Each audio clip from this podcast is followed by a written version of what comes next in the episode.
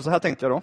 Ehm, att eh, jag tänkte börja med lite introduktion. Eh, ta några exempel från litteratur och lite populärkultur där eh, det här problemet då har, har lagts fram på olika sätt. Och sen tänkte jag att vi skulle göra så att eh, eh den första halvan liksom kommer att handla mer om filosofi, mer om, om det filosofiska teodicéproblemet eller det filosofiska lidandets problem. Um, och Det kanske kan bli lite torrt för vissa. Det kanske kan bli lite för abstrakt och filosofiskt. Um, men jag tänkte att vi avslutar sen genom att tänka lite kring vilka specifikt kristna resurser finns det? Vilka kristna teologiska resurser finns det som kan hjälpa oss att brottas med det här problemet och att kanske till och med leva med smärta om vi, om vi, om vi behöver, så att säga. Eh, så jag hoppar in här till den här lilla introduktionen. Vad är då lidandets problem? Jo, förenklat så kan man säga att det är problemet med hur en, en allgod, allvis och allsmäktig Gud kan samexistera med lidande. Hur, kan, hur är det möjligt att om Gud nu har kapacitet, kunskap om lidande och, eh, och att han är helt och hållet god, hur kan det då komma sig att världen ser ut som den gör? Med vad vi vet med ebola och med alla hemskheter som händer i världen. Hur kommer det sig att, att världen kan se ut så som den gör? Hur kan Gud och det onda samexistera? Det är det problemet i ett nötskal. Och Det här problemet har blivit debatterat om och skrivet om och, och pratats om över middagsbord kan jag tänka mig över hela världen genom historien. Jag ska ta två exempel. Ett lite äldre litterärt exempel där det här problemet kommer upp och sen tänkte jag ta upp ett lite populärvetenskapligt eller populärkulturellt ska säga, eh, exempel. Det här hämtar jag från eh, Bröderna Karamazov. Det är en novell eller en, en bok som eh, Dostojevskij har skrivit. Och I ett kapitel så låter han två bröder mötas. En symboliserar en väldigt cynisk ateist. Han heter Ivan Karamazov och den andra heter Aljosa och han, han är en munk. Och de debatterar och pratar om det här problemet. Och Då säger Ivan Karamazov så här. Det är inte Gud som jag inte accepterar, det måste du förstå. Det är den värld som skapats av honom. Guds värld alltså, som jag inte accepterar och inte kan gå med på att acceptera. Eh, och sen fortsätter hela det här kapitlet att handla om, om hur kan då Gud tillåta det onda och lidandet. Jag valde det här ganska torra citatet från det här, för sen såg han in på så grafiska och så hemska bilder att det nästan inte går att, att använda det i en, i en föreläsning som den här. Här har vi ett annat exempel och det hämtar jag från, från tv-serien The Nick. Och The Nick är ett, en eh, tv-serie som utspelar sig på ett fiktivt sjukhus i sekelskiftets New York, precis mellan 1800 och 1900-talet. Ehm, och där och då och under liksom industrialismens framväxt och vetenskapens framväxt under den här tiden så fanns det en ganska stark skepticism mot Gud och en ganska stark tilltro till att mänskligheten med våra förstånd och med vår vetenskap kommer liksom att radera ut ondskan i större mått än vad vi har gjort tidigare. Och Den här figuren, då, John Thackeray, spelad av Clive Owen, symboliserar lite den här cyniska framtidstron där vi knuffar bort Gud och där mänskligheten på något sätt tar Guds plats. Och I en scen när han pratar med sin älskarinna och hon uttrycker lite så betänkligheter gällande deras livsstil. Så här. Lever vi verkligen rätt? Gör vi verkligen rätt? Då säger han så här. Gud iakttar oss inte. Han är upptagen med att inte rädda sjuka barn och låta folk svälta ihjäl. Om han existerar är det han som borde göra bot, inte du. Så här har också den här samma, samma skepticism och samma misstro till att om nu Gud existerar, då kan han inte tillåta mängden lidande och sådana hemskheter som finns i världen. Nu blir det lite mer filosofiskt här. Eh, när man inom filosofi och eh, teologi brottas och tänker och skriver om det här problemet så gör man det ibland på lite olika sätt. Eh, jag läste filosofi för typ sju år sedan och skrev min C-uppsats om lidandets problem. Eh, nu när jag läser den igen så ser man att den är, den är dålig i många, på många sätt. Eh, men jag lärde mig mycket och om inte annat så kom jag i kontakt med väldigt mycket bra litteratur som har hjälpt mig sedan dess. Så den här föreläsningen formade mycket av den litteraturen som jag som jag läste där och då. Och specifikt så handlade min C-uppsats om en som heter Alvin Plantinga och hans lösning på vad man kallar för det logiska teodicéproblemet. Och därför kommer jag hänvisa mycket till honom. Han är en kristen amerikansk filosof som har betytt väldigt mycket för, för, eh, för eh, kristen filosofi och filosofi generellt över de sista 40 åren. Sådär. Ehm, jag tänkte prata om lite några distinktioner och skillnader man gör i hur man formulerar det här problemet och hur man pratar kring det. Um, ibland, och det här är, eh, var Plantinga, då, den här filosofen som, som, som myntade skillnaden mellan en teodicé och ett försvar. Och En teodicé, lite förenklat kan man säga, är en specifik anledning, en konkret anledning till varför Gud tillåter lidande. Och Det försökte teologer och filosofer ta fram tidigare. Exempelvis Augustinus försöker ta fram en teodicé, liksom. en specifik anledning till att ja, men det, är det, här, det är den här anledningen som gör att Gud tillåter lidande och ondska i världen. Plantinga säger istället att det kanske är bättre att vara lite mer blygsam när vi brottas med det här problemet och kanske hellre ta fram logiskt möjliga anledningar till varför Gud kan tillåta lidande. Eller sannolika möjligheter. Liksom. Ehm, så han är lite mer blygsam. Jag tror att det är bra för att enligt mitt sätt att se på det så, så ger oss inte Bibeln en, en så här knockdown-argument för varför Gud tillåter lidande. Utan den är lite förtegen gällande helhetsbilden, om man säger så. så jag tror att det är bättre att fokusera på ett försvar istället för att våga så säga att det är den här anledningen till att Gud tillåter lidande. Så, så det är en distinktion man har gjort. Och Sen finns det också skillnader i hur man formulerar problemet. Och Här är jag formad över det jag har läst och det som jag kan, om man säger så. Och Det finns andra formuleringar och andra, andra sätt att, att brottas med det här problemet. Men de två som jag tänker att jag ska fokusera på nu under en lite längre tid är eh, det här eh, A här då. Eh, så har vissa menat att, att det här problemet med Gud och ondska är ett logiskt problem. Att Gud å ena sidan och lidande å andra sidan är logiskt oförenliga.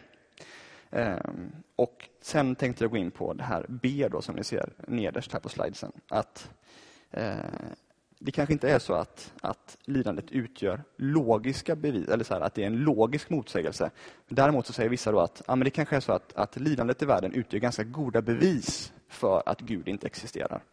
Så det här tänkte jag ta upp nu under lite längre tid innan vi går in på de mer kanske kristna eh, teologiska eh, resurserna som vi har att kunna använda, använda oss av. Och jag börjar eh, för länge sedan, för flera tusen år sedan. Ehm, den här är skriven av eh, Epikuros och citerad av eh, David Hume. Jag tackar Sebastian för att, jag, för att jag har fått tag på det här. Jag hittade bara engelska översättningar men jag lyckades komma över en, en svensk översättning här.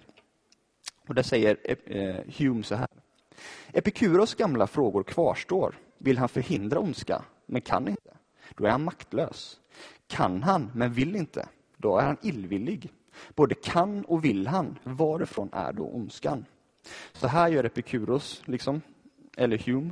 Han framställer det som ett logiskt problem. Om nu Gud har resurser, kunskap om allt det här, varför förhindrar han inte lidandet? Jag ska ta tre exempel på hur man ställer upp det här problemet. Nu kommer jag till den andra och det här är skrivet av en som heter J.L. Mackie, en, en australiensisk filosof som har skrivit eh, mycket om det här Hon har skrivit en klassisk artikel som, som heter Evil M. Omnipotence som skrevs 1955. Han säger så här. I think, however, that a more telling criticism can be made by way of the traditional problem of evil. Here it can be shown not that religious belief lack rational support, but that they are positively irrational that the several parts of the essential theological doctrine are inconsistent with one another, so that the theologian can maintain his position as a whole only by a much more extreme rejection of reason than in the former case. He must now be prepared to believe not merely what can be proved, uh, what not cannot be proved, but what can be disproved from other beliefs that he holds. Så vad Mackie säger här är egentligen, amen, glöm att det finns så dåliga argument för att vi ska tro på kristen tro. Glöm det. Till och med de interna teologiska eh, trosatserna är motstridiga och vad han specifikt hänvisar till här är ju lidande och Gud, eh, som han säger det, är oförenliga sist här så tänkte jag bara visa på ett kanske lite mer sofistikerat sätt att ställa upp det. Och så här gör man ju mycket i filosofi, att man härleder eh, genom olika premisser för att bevisa då sin ståndpunkt. Och här är det en som heter Michael Tooley som har, som har ställt upp det så här. Och det här tror inte jag är hans ståndpunkt, utan han skriver det här i en, en artikel i Stanford Encyclopedia of Philosophy. Eh, så han sammanfattar hur andra tänkare har ställt upp det här problemet. Och där säger han så här. 1. Om Gud existerar, då är han allsmäktig, allvetande och moraliskt perfekt. Om Gud är allsmäktig, då har han makt att utrota all ondska. Om Gud är allvetande, då vet han om att ondska existerar. Om Gud är moraliskt perfekt, då vill han utrota all ondska. Ondska existerar. Om ondska och Gud existerar, då har Gud antingen inte makten, viljan eller kunskapen som behövs för att utrota ondskan. Alltså, säger Tooley, existerar inte Gud. Och det här var tre exempel, men gemensamt för dem allihopa är att de menar att det är en logisk oförenlighet. Alltså det är lika logiskt omöjligt för Gud och lidande att existera som det är för att en eh, gift ungkar att existera, eller en, en eh, rund fyrkant. Liksom. Det ligger i själva begreppet här att det är omöjligt att de här två sakerna kan samexistera. Så vad kan vi då säga till den här ganska starka formuleringen, det här ganska starka argumentet mot att Gud existerar? Och nu tänkte jag följa en lite förenklad version av den här filosofen Alvin Plantingas lösning på det här. Plantinga vänder sig framförallt emot två av de här premisserna som vi precis har gått igenom här. Han vänder sig emot att om Gud är moraliskt perfekt, då vill han utrota all ondska. Och han vänder sig emot om Gud är allsmäktig, då har han makt att utrota all ondska. Och vad Plantinga gör är att han omformulerar de här eh, lite grann för att göra det, eh, visa på att det här är ingen logisk motsägelse mellan lidande å ena sidan och Gud å andra sidan. Så nu hoppar vi vidare till hans tvåstegsraket här. Så för det första så säger Platinga, då kan det finnas goda omständigheter som är omöjliga att skapa utan att tillåta lidanden. Omständigheter som väger upp för lidande. Och vad han menar här, att det är möjligt att Gud har någon anledning, någon berättigande orsak att tillåta lidande, som liksom väger upp mot att lidande existerar. Och vi kan ju tänka oss, så jobbar ju vi i våra liv också mycket. Liksom. Vi går till tandläkaren för att laga hål och det är ju ont, men vi gör det för att spara oss lidande i framtiden. och så här. Och Platinga säger att ja, det kanske finns någon sån anledning för Gud också. Och för det andra så säger Platinga så här, att det kanske är logiskt möjligt att det finns vissa gränser för vad ett allsmäktigt väsen kan skapa. Och Det som Platinga föreslår här då, för den första, är att, att det kan vara så att moralisk frihet är av sånt värde för Gud att den väger upp för och berättigar honom att tillåta i alla fall potentialen till ondska i världen. Ehm, och Han säger så här då, alltså att det är logiskt möjligt, nu läser jag från den andra punkten här, att Gud skattar moralisk frihet så till den grad att han anser den väga upp för ondskan och lidandet i världen. Så poängen här är att hellre än att göra moraliskt eh, liksom styrda robotar så vill han ha fria människor. Och det väger upp för lidandet i världen. Och Plantingas definition på moralisk frihet innefattar att, att eh, en moralisk person har eh, möjligheten att begå både moraliskt goda handlingar och moraliskt dåliga handlingar. Det ligger i själva begreppets natur att vara moraliskt fri, att man kan handla dåligt och man kan handla bra. Men nu kanske någon frågar sig, ja, men om Gud nu ville ha moraliska individer, han skapade dem med den här fria viljan, eh, vad blir det då med hans allmakt? Kunde han inte skapa en värld som innehåller fria människor som bara handlar moraliskt gott? Men då säger Plantinga så här, nej, inte riktigt, kanske inte. Det är logiskt möjligt, menar han. Eh, och då kommer vi till hans andra invändning här. Att det finns omständigheter som inte ens en, en eh, allsmäktig Gud kan frambringa. Och vad han säger är egentligen här att en allsmäktig Gud inte kan frambringa logiskt oförenliga omständigheter. Och Han menar också att det här är ingen inskränkning av Guds allmakt.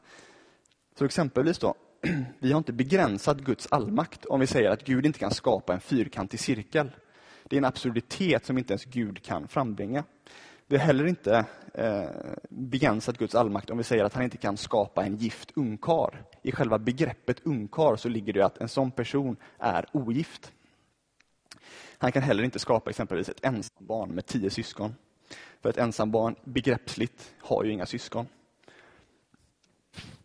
Så att i själva ja, begreppet här så, så är det så att Gud, vi har inte begränsat hans allmakt om vi säger att han inte kan skapa eller frambringa logiskt oförenliga omständigheter. Så här uttrycker C.S. Lewis ungefär samma tanke. Hans allmakt betyder makt att göra allt det som i sig självt är möjligt, inte att göra det i sig självt omöjliga. Man kan tillskriva honom underverk, men inte meningslöshet. Detta innebär ingen begränsning av hans allmakt. Och då kan man fråga sig, vad har då fyrkantiga cirklar och gifta ungkarlar med lidandets problem att göra? Jo, då är det precis här, här möts den, den, moraliska friheten och det här konceptet om att Gud inte kan frambringa moraliskt oförenliga omständigheter. För Blatinga föreslår att det är logiskt omöjligt för Gud att skapa en individ som är helt fri. Kom ihåg det, begreppsligt här nu, så kan en fri, moraliskt fri individ kan handla dåligt och är fri att handla bra. Då är det logiskt omöjligt för Gud att skapa en individ som är fri på det här sättet samtidigt som han förutbestämmer den här personen som en robot att bara välja goda handlingar. Det är en logisk omöjlighet. Så det är eh, Plantingas lösning på det här. Och avslutningsvis ska jag bara sammanfatta den här delen av argumentet. Då. Så kan man säga så här. Eh, att Gud inte kan frambringa logiskt oförenliga omständigheter är ingen signifikant begränsning av hans allmakt. Och punkt två här. Det är logiskt möjligt att Gud ansåg en värld med moraliskt fria varelser och möjlighet till lidande bättre än en värld utan moralisk frihet och lidande. Det är logiskt möjligt att den här världen är den bästa av alla möjliga världar där människor är moraliskt fria. Så, så här vänder sig Plantinga emot tesen att det skulle vara en logisk omöjlighet för Gud och för lidande att existera. Um, och det är, tror jag, allmänt accepterat nu. Han skrev en bok som heter God, Freedom and Evil på 70-talet och den har fått sånt genomslag att på båda sidor av den här debatten så säger man nog att det här är kanske ett problem med lidande och Gud, men det är inget logiskt problem längre. Det är allmänt känt att det här nästan är en lösning, erkänner många i alla fall.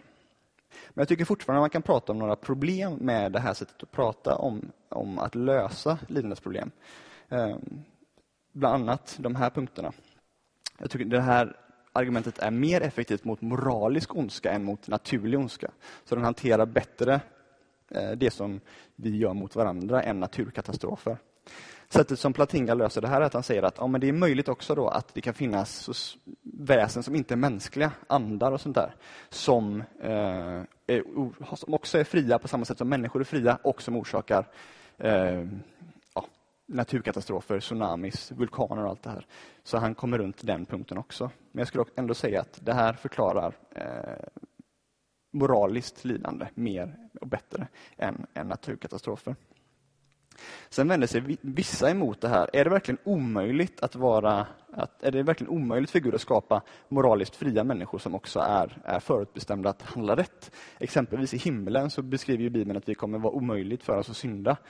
Där verkar det inte finnas någon logisk motsättning här. Gud är också ett väsen som, som är troligtvis i alla fall fritt att välja både moraliskt gott och moraliskt ont. Men Gud gör ju bara goda saker. Och Sen har han också blivit kritiserad av Blatinga för att han sätter ett enormt högt pris på den fria viljan. Ser vi vad som händer med Ebola eller ser vi vad som händer med Isis och så, här, så kan man fråga sig, väger verkligen moralisk frihet upp för allt det här hemska? Eh, och Sen har argumentet också en väldigt hög abstraktionsnivå. Liksom. Att det hamnar, det hamnar ganska långt ifrån saker som vi tänker oss när vi tänker kring lidande och smärta. och sådär. Eh, men jag skulle ändå säga, trots de här invändningarna, att han har visat att det inte är en logisk motsättning. En annan liten invändning som en kvinna som heter Marilyn McCord Adams säger är, hon kallar det här för the myth of common values. Och så säger hon så här. It will be a hollow victory for the believer to stop with showing that the God that Mackie doesn't believe in could coexist with evils if that God is not the one that the believer confesses. Och Mackie är den här eh, ateistiska filosofen. Så vad jag egentligen säger här är att ja, men det kanske är en ganska svag seger om vi har visat att en Gud som varken jag eller den ateistiska kombatanten som jag debatterar med här eh, tror på eh, kan existera med mängden i, eh, ondska i världen om man säger så. Eh, så jag tycker det är en, en ganska bra invändning. Men det, nu lämnar jag det logiska problemet här. Eh, och går vidare på vad jag har valt att kalla för det bevismässiga teodicéproblemet. Och det här kanske är en jättedålig översättning, jag vet inte. På engelska säger man the probabilistic eh, evidence, eh, eller the, the, the, the evidential argument against evil. Jag vet inte. Ja. Det här är mitt försök i alla fall till att eh, förmedla samma idé. Men här säger man inte att det är en logisk motsättning. Man säger inte att det, att de här liksom, att det är helt omöjligt att Gud och ondska samexisterar. Vad man säger här är lite mer blygsam tes. Då säger man att ja, det kanske är så att, att lidandet i världen utgör goda bevis på att Gud inte existerar. Eh, fast det kanske inte helt utesluter möjligheten. Och Det här är lite svårare att bemöta för oss som är kristna. Eh, men jag tror ändå att det finns Eh, att det finns sätt som vi kan hantera det här på. Och nu tänkte jag först följa en som heter William Rose argumentation och sen Platingas lösning på, på hans argumentation här. Um, och Rose säger så här. Betänk någon synnerligen hemsk instans lidande. En femåring som blir mördad och våldtagen, E1. Eller en ung hjort som plågsamt dör i en skogsbrand, E2. Inget gott som vi vet om berättigar ett allsmäktigt, allvetande och allgott väsen i fortsättningen perfekt väsen, att tillåta E1 och E2. Därför är det sannolikt att inget alls berättigar ett perfekt väsen att tillåta E1 och E2. Därför är det sannolikt att det inte finns något perfekt väsen. Så det här är Rose argumentation.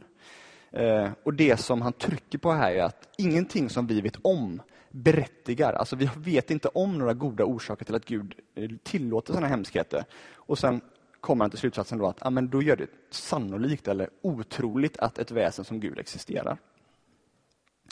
Vad Platinga vänder sig mot i det här är att han menar på att bara för att det inte verkar finnas några goda orsaker, bara för att inte vi kan, kan se några goda orsaker, så behöver inte det utgöra att det inte finns några berättigande orsaker som tillåter, eller som liksom berättigar Gud att tillåta mängden ondska eller olika hemska scenarier. Och Det här motargumentet har formulerats på lite, lite olika sätt. Men liksom kärnan i det är att vi inte på samma sätt som Gud kan överblicka konsekvenserna av olika omständigheter. Och ibland pratar man om en epistemisk skillnad mellan Gud och människor. Och Vad man menar med det är egentligen en kunskapsmässig skillnad. Alltså att Gud är ett evigt väsen eh, som är enormt intelligent och vi är begränsade väsen.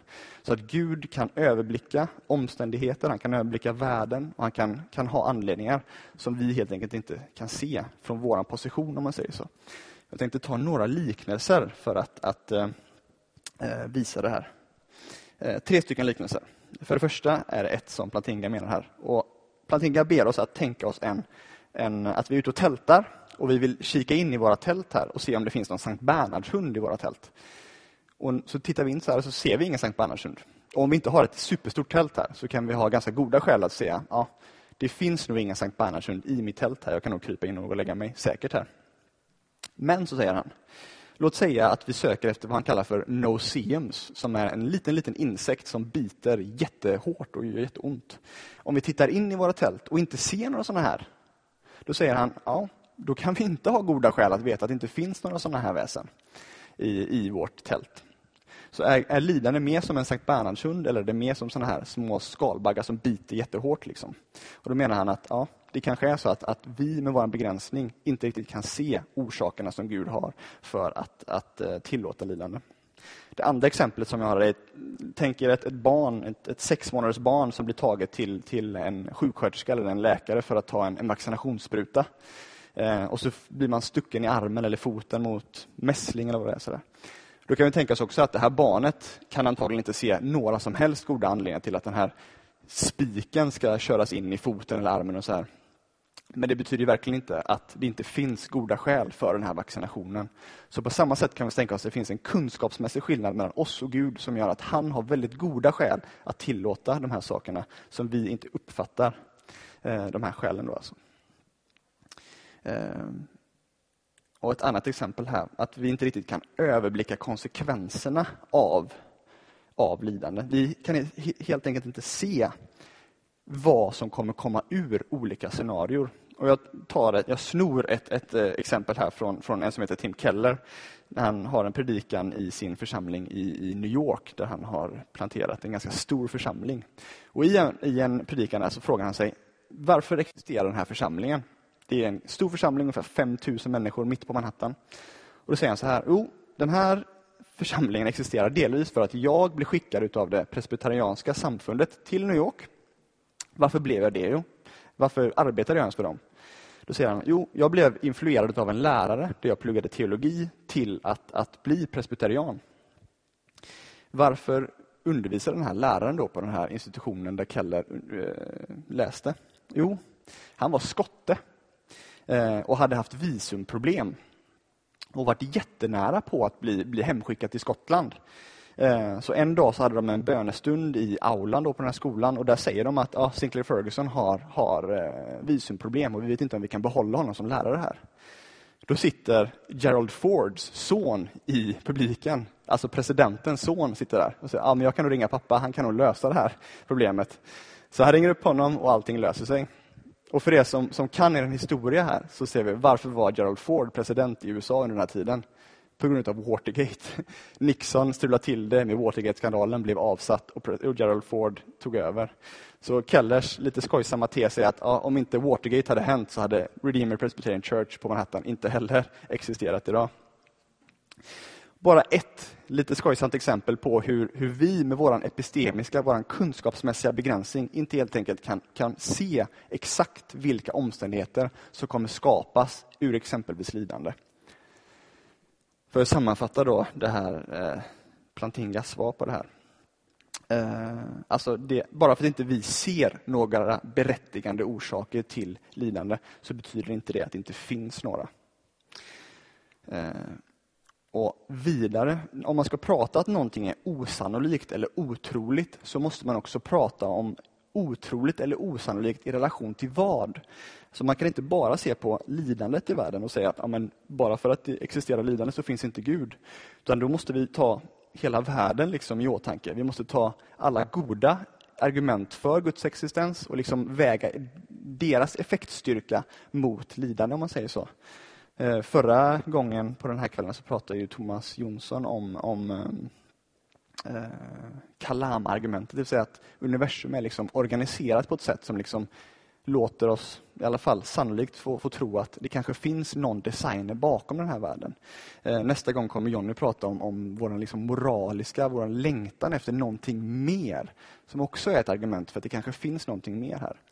Eh, så man liksom behöver väga de här argumenten för Guds existens mot lidande och på så sätt utröna om det är sannolikt eller inte att Gud existerar. Så jag tror inte att det här är någon slags knockdown-argument heller mot, eh, mot eh, eh, Guds existens. Utan jag tror att, att vi ja, kan klara oss ur det här också.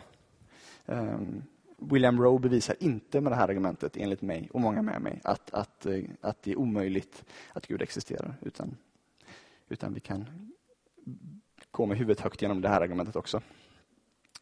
Ett litet problem med den här lösningen, och skulle jag säga kanske med filosofisk argumentation generellt, och missförstå mig inte, jag, jag är fan av filosofi, jag tror att det är viktigt med filosofi, jag tror att, att det är också ett, ett ett slagfält där vi slåss för Guds rike. Eh, jag tror att det är superviktigt att det finns kristna filosofer som, som, som eh, bedriver filosofisk verksamhet. Men ibland så kan det vara så att, att det är ganska hög abstraktionsnivå, att det hamnar ganska långt ifrån vår vardag det här med filosofi.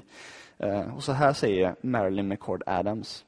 My own natural answer is that the theological debate was carried on on too high of a level of abstraction. Och vad den här kvinnan föreslår är att men vi behöver tillgodose oss, använda oss av våra specifikt kristna resurser. Det som kristen tro ger oss för att kunna brottas med det här problemet. Um, och kristen tro om något religiöst och teologiskt system har mängder med resurser för hur vi kan tänka och hur vi kan förhålla oss till smärta i världen. Um, så då tänkte jag avsluta. Och vi är en baptistkyrka, ni vet att när man säger att man ska avsluta då är det minst 25 minuter kvar. Um, som Jonny gjorde i morse. Att egentligen var det två punkter men så radade han upp så här, fem punkter under varje punkt. Så att egentligen blir det åtta punkter kvar. Så, så jag har lite kvar, så håll till goda här. Men jag tänkte i alla fall gå in i lite annat, i ett avslutande stadie av det här snacket. Och jag, det är tre saker specifikt som jag skulle vilja prata om. Jag vill, jag vill säga att kristen tro, för det första, ger oss en möjlig förklaring till varför världen inte är som den borde vara. Och sen skulle jag också vilja säga att kristen tro säger att lidande inte behöver vara komplett meningslöst. Och för det tredje så skulle jag vilja påstå att korset ger oss vissa resurser för att hantera livets smärta. Vissa av oss, eller ganska många av oss skulle jag vilja säga till och med, har en intuition som säger oss att världen är inte riktigt som den borde vara. Jag skulle vilja ta tre exempel på hur den här eh, intuitionen kan, kan eh, uttryckas. Det var en kompis till mig för bara någon dag sedan som sa så här, jag är trött på död.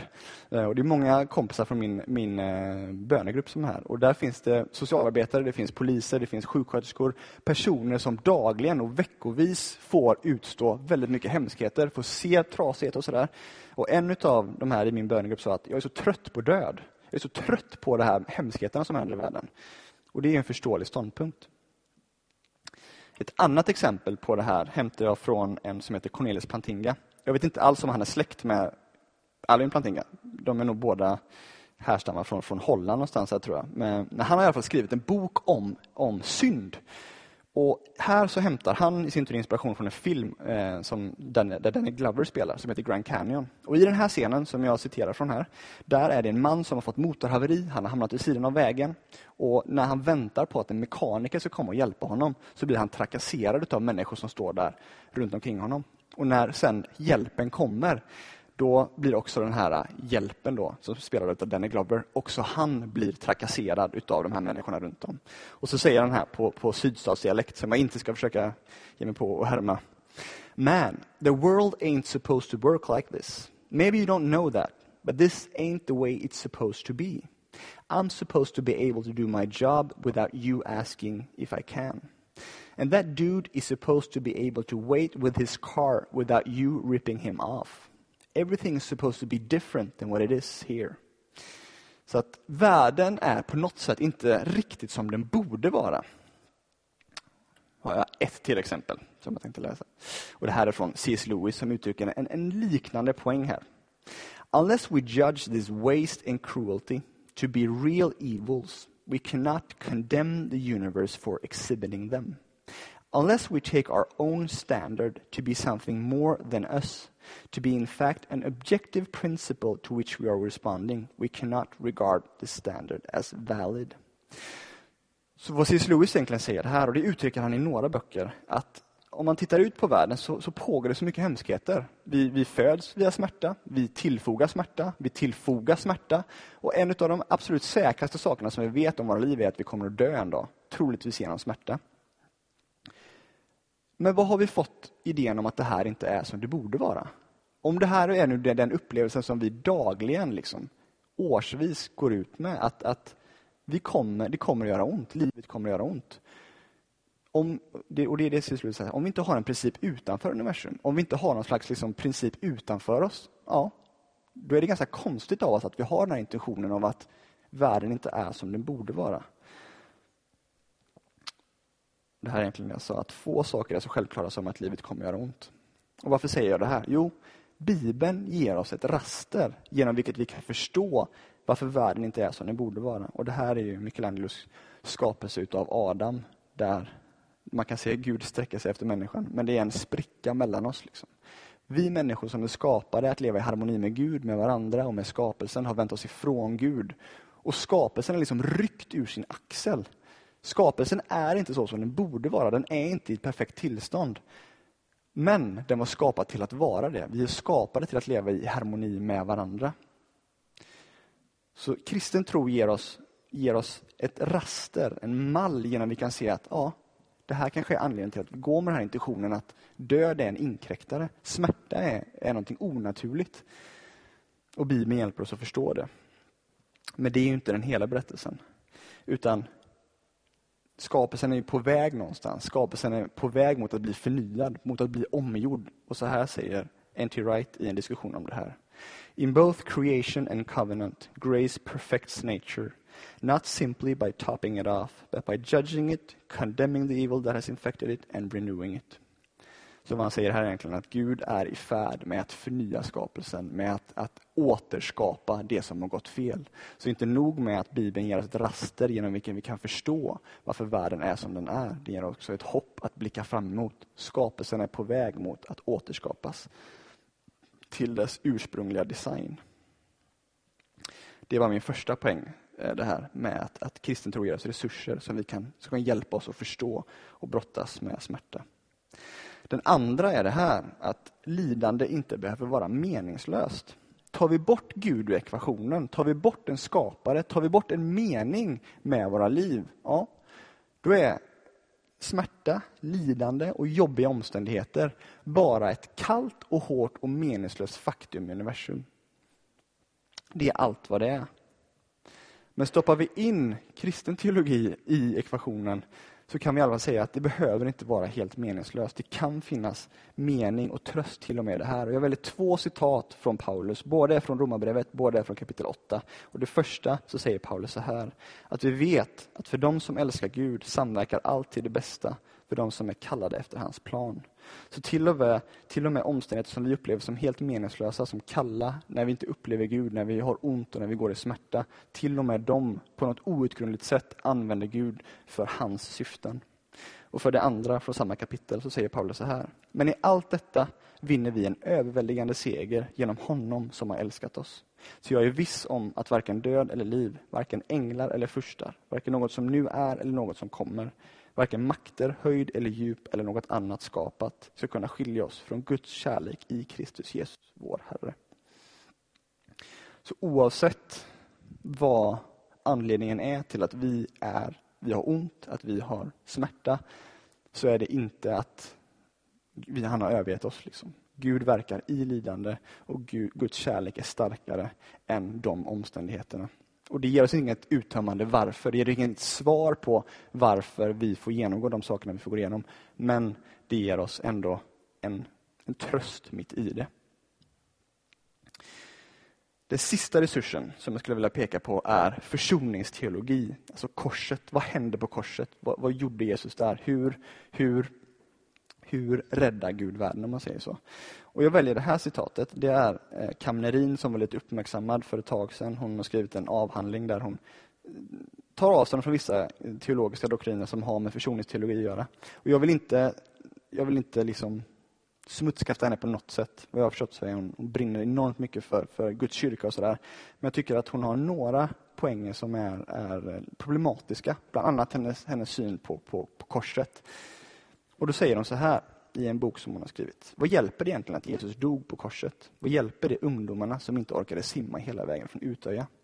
Och anledningen till att jag tar upp det här är att jag vill ändå peka på att, att vi har någonting väldigt, väldigt värdefullt i det som hände på korset. Och börjar vi skala bort de sakerna som hände där och börjar vi fiffla med det så, så har vi så mycket att förlora. Så håll hårt i korset, håll hårt i det som hände där. Eh, för jag skulle säga i stark motsats till, till, till vissa av hennes inslag i hennes teologi skulle jag säga att korset har så mycket att ge oss, inte minst vad det innebär lidande och ondska. Jag ska säga några grejer om det. För det första, Guds vrede och ondska. Och det här är ett ganska opopulärt eh, tema generellt i vår kultur att prata om Guds vrede. Men i bland annat Romarbrevet så diskuterar Paulus ganska länge hur skapelsen har vänt sig ifrån Gud. Vi människor har blivit någonting som inte vi skapade till att vara. Vi har blivit revoltär, eller liksom, vi har revolterat emot Gud. Och skapelsen har också liksom vänt sig ifrån Gud. Och en av de konsekvenserna är att Gud blir vred på han blir det är hans, liksom, han har ett rättmätigt svar på våran revolt mot honom. Och Jag kan förstå de intentioner som säger att vi vill skala bort det här från kristen teologi. Men det är min övertygelse att, att Gud inte är oengagerad gentemot lidande. Vi, vi kanske inte vet precis varför han tillåter sådana hemskheter, typ som det som hängde på Utöja. Men korset visar på att synden får rättmätiga konsekvenser. Gud är också arg på det som händer. Orättvisor, smärta, lidande och död är också någonting som han fullt ut tar liksom ställning emot. Och korset visar oss att han visar att synden får konsekvenser.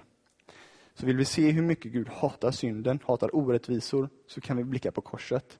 Och det här är inte det enda, utan Bibeln pratar också om att Gud slutgiltigt kommer att, att döma världen. Så att, att vi kommer inte undan med orättvisor. Saker som vi upplever, det som vi ser kanske Isil göra och sådär, det kommer inte bara sopas under mattan. Gud är en Gud som tar aktiv ställning mot den typen av handlingar.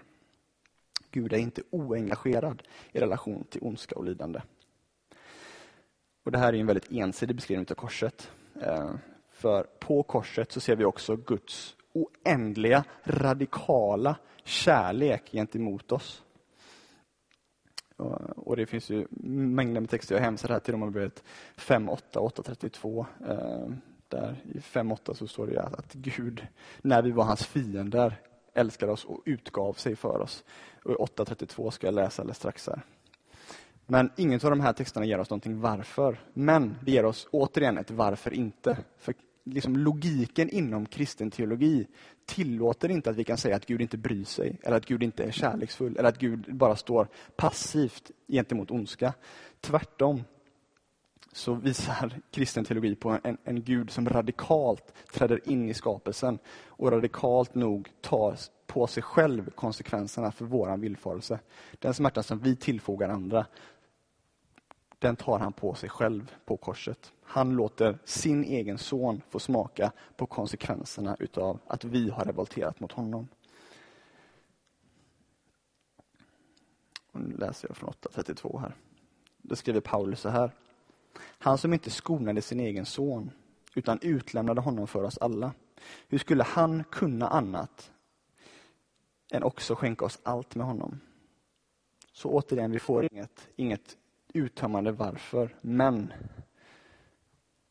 vi får en Gud som inte ens skonar sin son utan låter sin son träda in i skapelsen och låter sin son visa på hans kärlek och låter sin son få konsekvenserna för våran villfarelse. Och Det här skulle jag säga att Guds dom och kärlek ger både den som har orsakat lidande, för det är någonting som jag tycker att vi ibland glömmer när vi diskuterar det här, att, att vi tillfogar smärta också. Vi, vi blir tillfogade smärta, men det är nog ingen av oss här som sitter här som, som aldrig har tillfogat någon annan människa smärta. Men korset är hopp för oss. Korset är hopp för oss. För att det betyder att dörren är öppen. Vi kan komma till honom i hopp om försoning, i hopp om förlåtelse, i hopp om att bli omfamnade. Oavsett vad vi har gjort. Oavsett vad vi har gjort. Men jag tror också att korset innebär hopp för den som har blivit utsatt för det. Precis av de anledningar som jag precis har sagt här. Att det är en helt hutlöst radikal kärlek som kommer fram på korset. Att han är värdig, eller han är beredd att utstå de sakerna för att kalla oss tillbaka till sig själv.